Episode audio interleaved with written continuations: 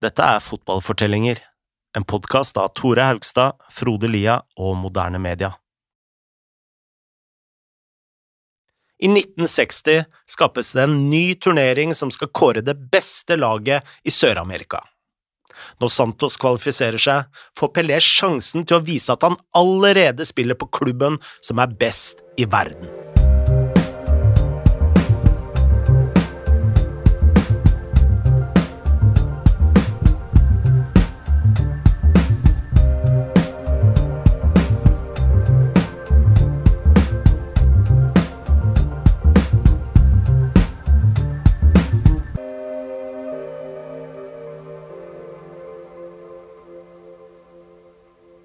Om Pelé var skuffa over skaden som holdt ham ute under nesten hele VM, så fikk han fort en mulighet til å slå tilbake.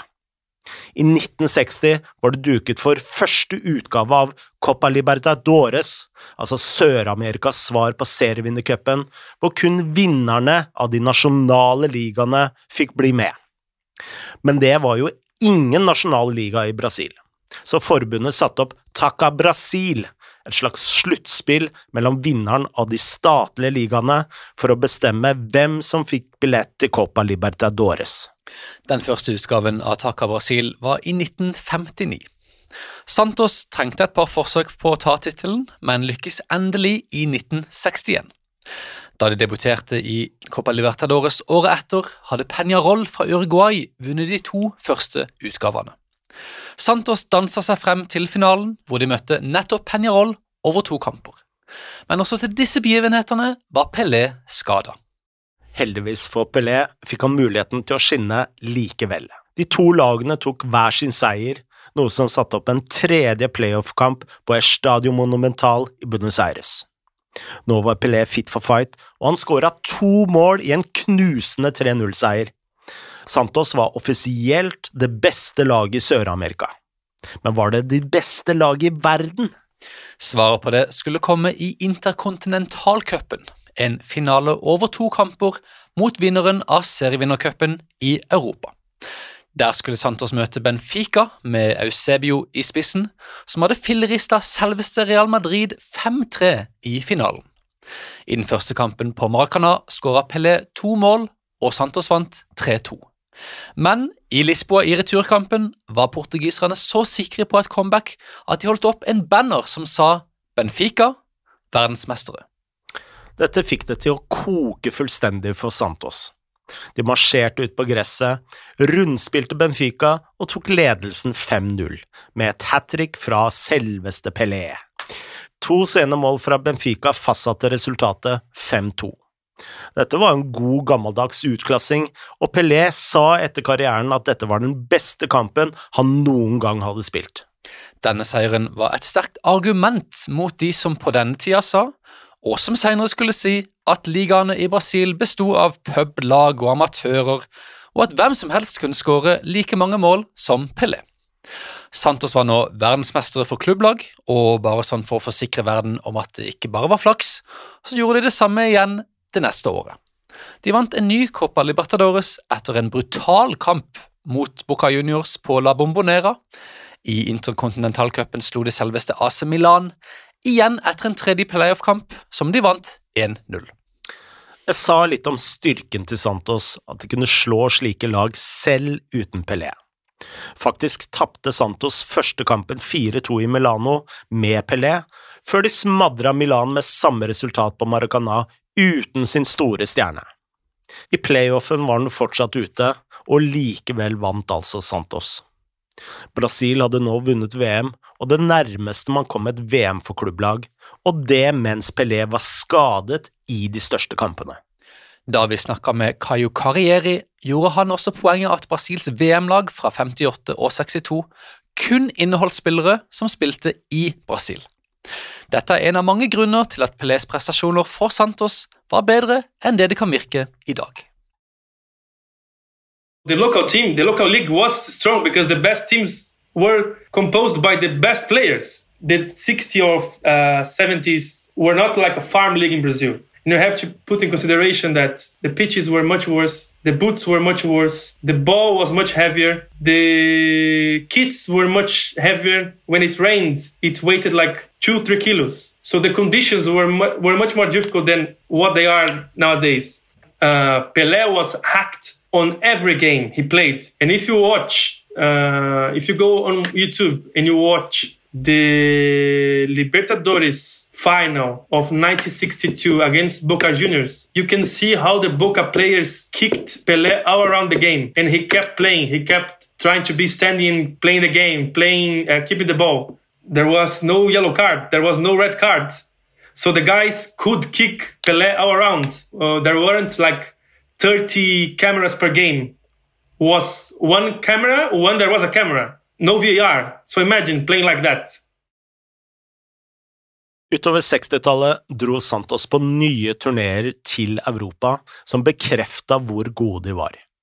Totalt spilte Pelé 38 kamper mot italienske lag, og dette i en tid hvor Milan og Inter vant serievinnercupen to ganger hver. Pelé skåra åtte mål mot Inter, seks mot Roma, tre mot Lazio, to mot Milan og to mot Juventus. I hver kamp ble han regelrett sparka ned av beinharde stoppere. En gang gikk han ut av banen for å knyte skolissen. Da han kikka opp, så var det søren meg en forsvarsspiller som sto med hoftefeste og så på. Selv da han var ute av spill, ble Pelé markert. Den tidligere brasilianske spilleren Leo Junior har sagt at det fantes en skepsis til Pelé i Europa på den tida, om han virkelig kunne skåre mot de beste lagene der. Og Dette høres jo veldig ut som denne debatten rundt Messi, hvorvidt liksom han kunne skåre like mange mål f.eks. i Premier League, og da spesielt på en kald og våt tirsdagskveld i Stoke. Det kan han. Det kan. Folk lurte på om han virkelig var så god, sa Leo junior. Og ja, det var han så absolutt. I 1966 gira Brasil opp til VM i England med muligheten for å vinne tre på rad. Men Pelé så fort at de mangla disiplinen de hadde hatt før. Sjefen for VM-kommisjonen, Paulo Machado de Carvalho, var borte, Didi og Nilton Santos hadde lagt opp, og Garincha var langt unna sitt beste. Vicente Fiola var tilbake, men hadde mista mye av sin autoritet. Kommisjonen tok ut for mange spillere og tok med for mange gamle navn som levde på tidligere meritter. Pelé skrev senere at Brasil hadde tapt allerede før de satt fot i England. Brasil skulle spille alle sine gruppekamper på Goodison Park. Om Pelé var irritert på kommisjonen, så fikk han en litt sånn fin og munter overraskelse da en journalist fortalte han om et rykte om at selveste The Beatles ville spille konsert for det brasilianske laget. Pelé spilte selv gitar og likte selvfølgelig The Beatles, så han spurte kommisjonen om dette var greit. Utrolig nok så nekta kommisjonen dette, og Pelé ble fly forbanna. Ti år seinere skulle han spise lunsj med John Lennon i New York, hvor Lennon bekrefta at The Beatles faktisk hadde hatt lyst til å spille konsert for Brasil. Da Brasil spilte første kamp mot Bulgaria, tok Pelé ut all sin sinne ved å banke inn et frisparkmål gjennom muren. Brasil vant 2-0, men Pelé ble sparket gul og blå av Bulgarias forsvarere, uten at den engelske dommeren Ken Dagnall gjorde noe som helst. Så brutalt ble Pelé behandla at Brasil hvilte ham den neste kampen mot Ungarn, da de tross alt kom til å vinne uansett. Men Brasil tapte 3-1, så i siste kamp mot Portugal måtte Brasil vinne. Og igjen ble Pelé klippa ned gang etter gang. Den mest infamøse hendelsen kom da forsvareren Joao Morais banka ned bakfra to ganger i samme sekvens uten å bli utvist. Men Brasil spilte uansett elendig og tapte 3-1 etter to mål fra Eusebio. De regjerende mesterne var ute etter en av de mest ynkelige tittelforsvarerne i VMs historie. I think that uh, people understand in Brazil that it was kind of a transition between generations, that team. And uh, when Pelé left the team in 1962, Garincha stepped up, stepped up and did all Brazil needed. In 1966, we didn't have this figure. Like Garrincha uh, was not at his peak anymore, so there wasn't anyone to replace Pelé and to carry the team all the way through the final. Da Brasil skulle hjem, ble flyet holdt igjen i lang tid på flyplassen.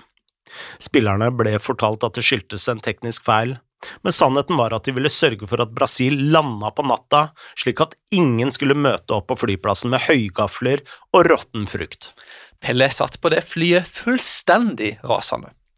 Han hadde drømt om å spille på ærverdige Wembley, noe han aldri skulle få gjøre i karrieren, og nå var han sint på kommisjonen, han var sint på dommerne, og han var egentlig bare så lei av hele greia at han sjokkerte fotballverden med en uventa avgjørelse.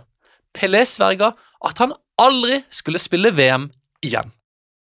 Som om ikke det var ille nok, fant Pelé plutselig ut at han hadde gått konkurs.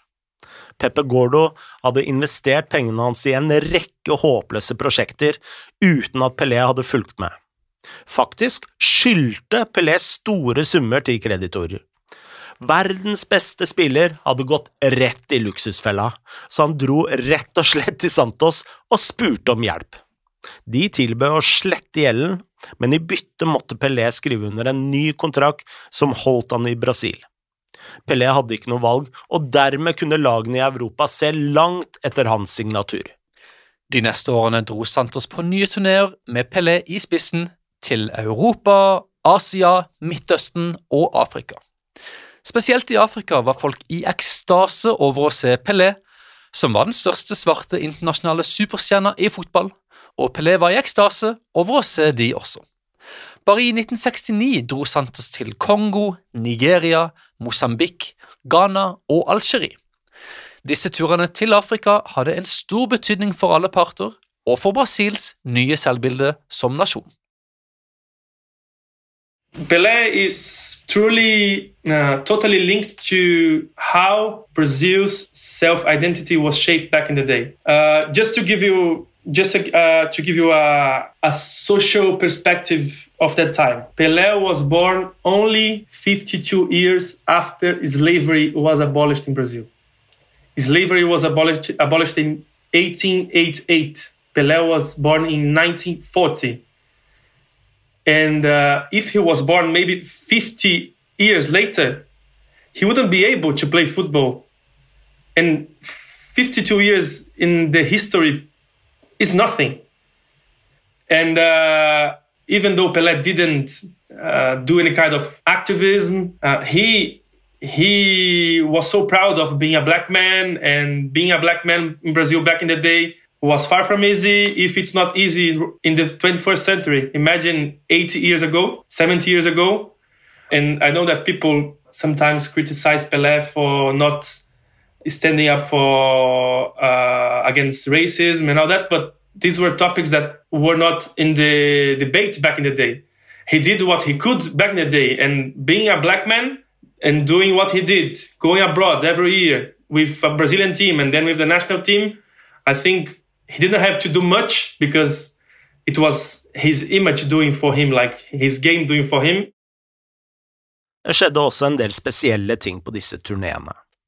I Kongo så Santos-spillerne våpen og tanks i gatene, og i Nigeria spilte de kamp i løpet av en borgerkrig.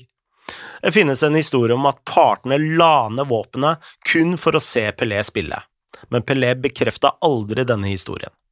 Men kanskje den aller mest spesielle hendelsen kom i Bogotá, da Santos skulle møte et olympisk lag fra Colombia. Selv om dette var vennskapskamper, så blir det jo tatt blodseriøst, og da dommeren Guillermo Velasquez ga OL-laget et mål som burde vært annullert, så mista Santos-spillerne det fullstendig.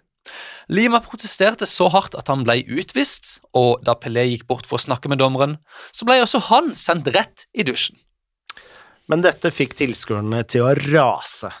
De hadde reist langt og betalt gode penger for å se Pelé spille, og fant seg ikke i at han skulle vises ut. Så de bombarderte banen med papir, puter og søppel. Det ble så mye uro at politibetjente med batonger marsjerte ut på banen. Fansen ropte på Pelé, men hvordan kunne han spille videre da han var blitt utvist? Da fant kampledelsen en løsning.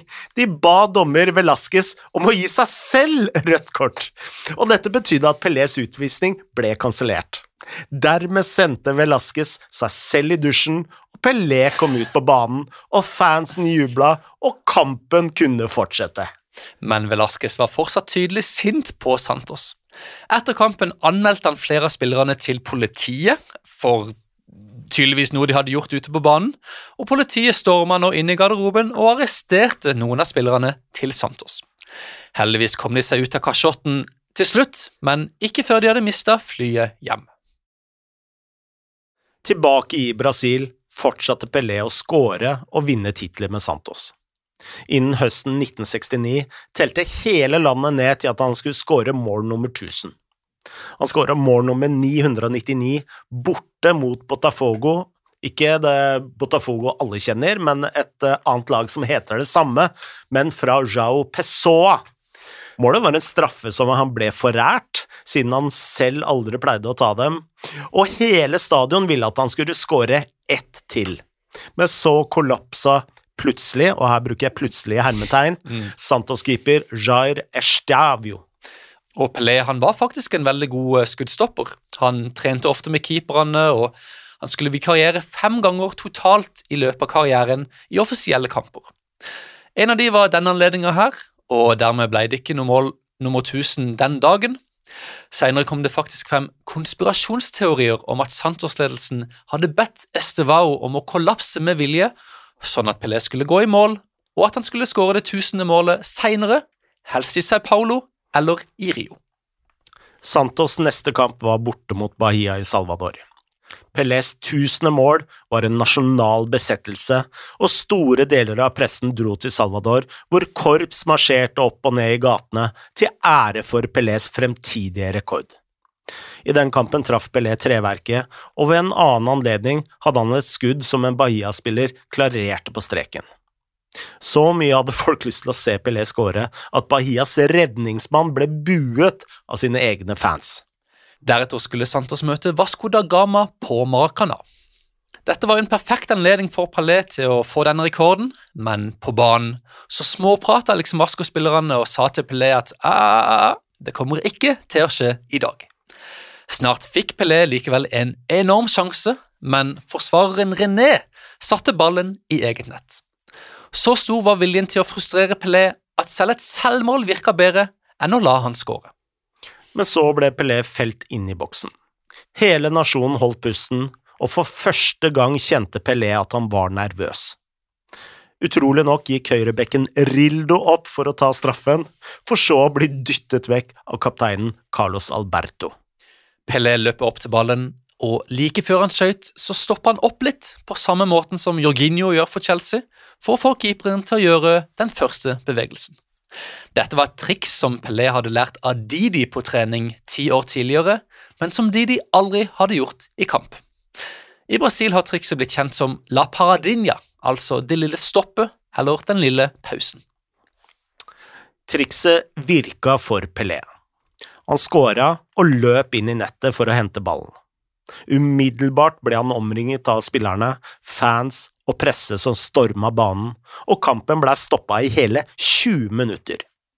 En tårevåt Pelé dedikerte målet til alle barna i Brasil. I en alder av 29 år hadde han oppnådd alt som kunne oppnås i fotball, men selve høydepunktet var like rundt hjørnet.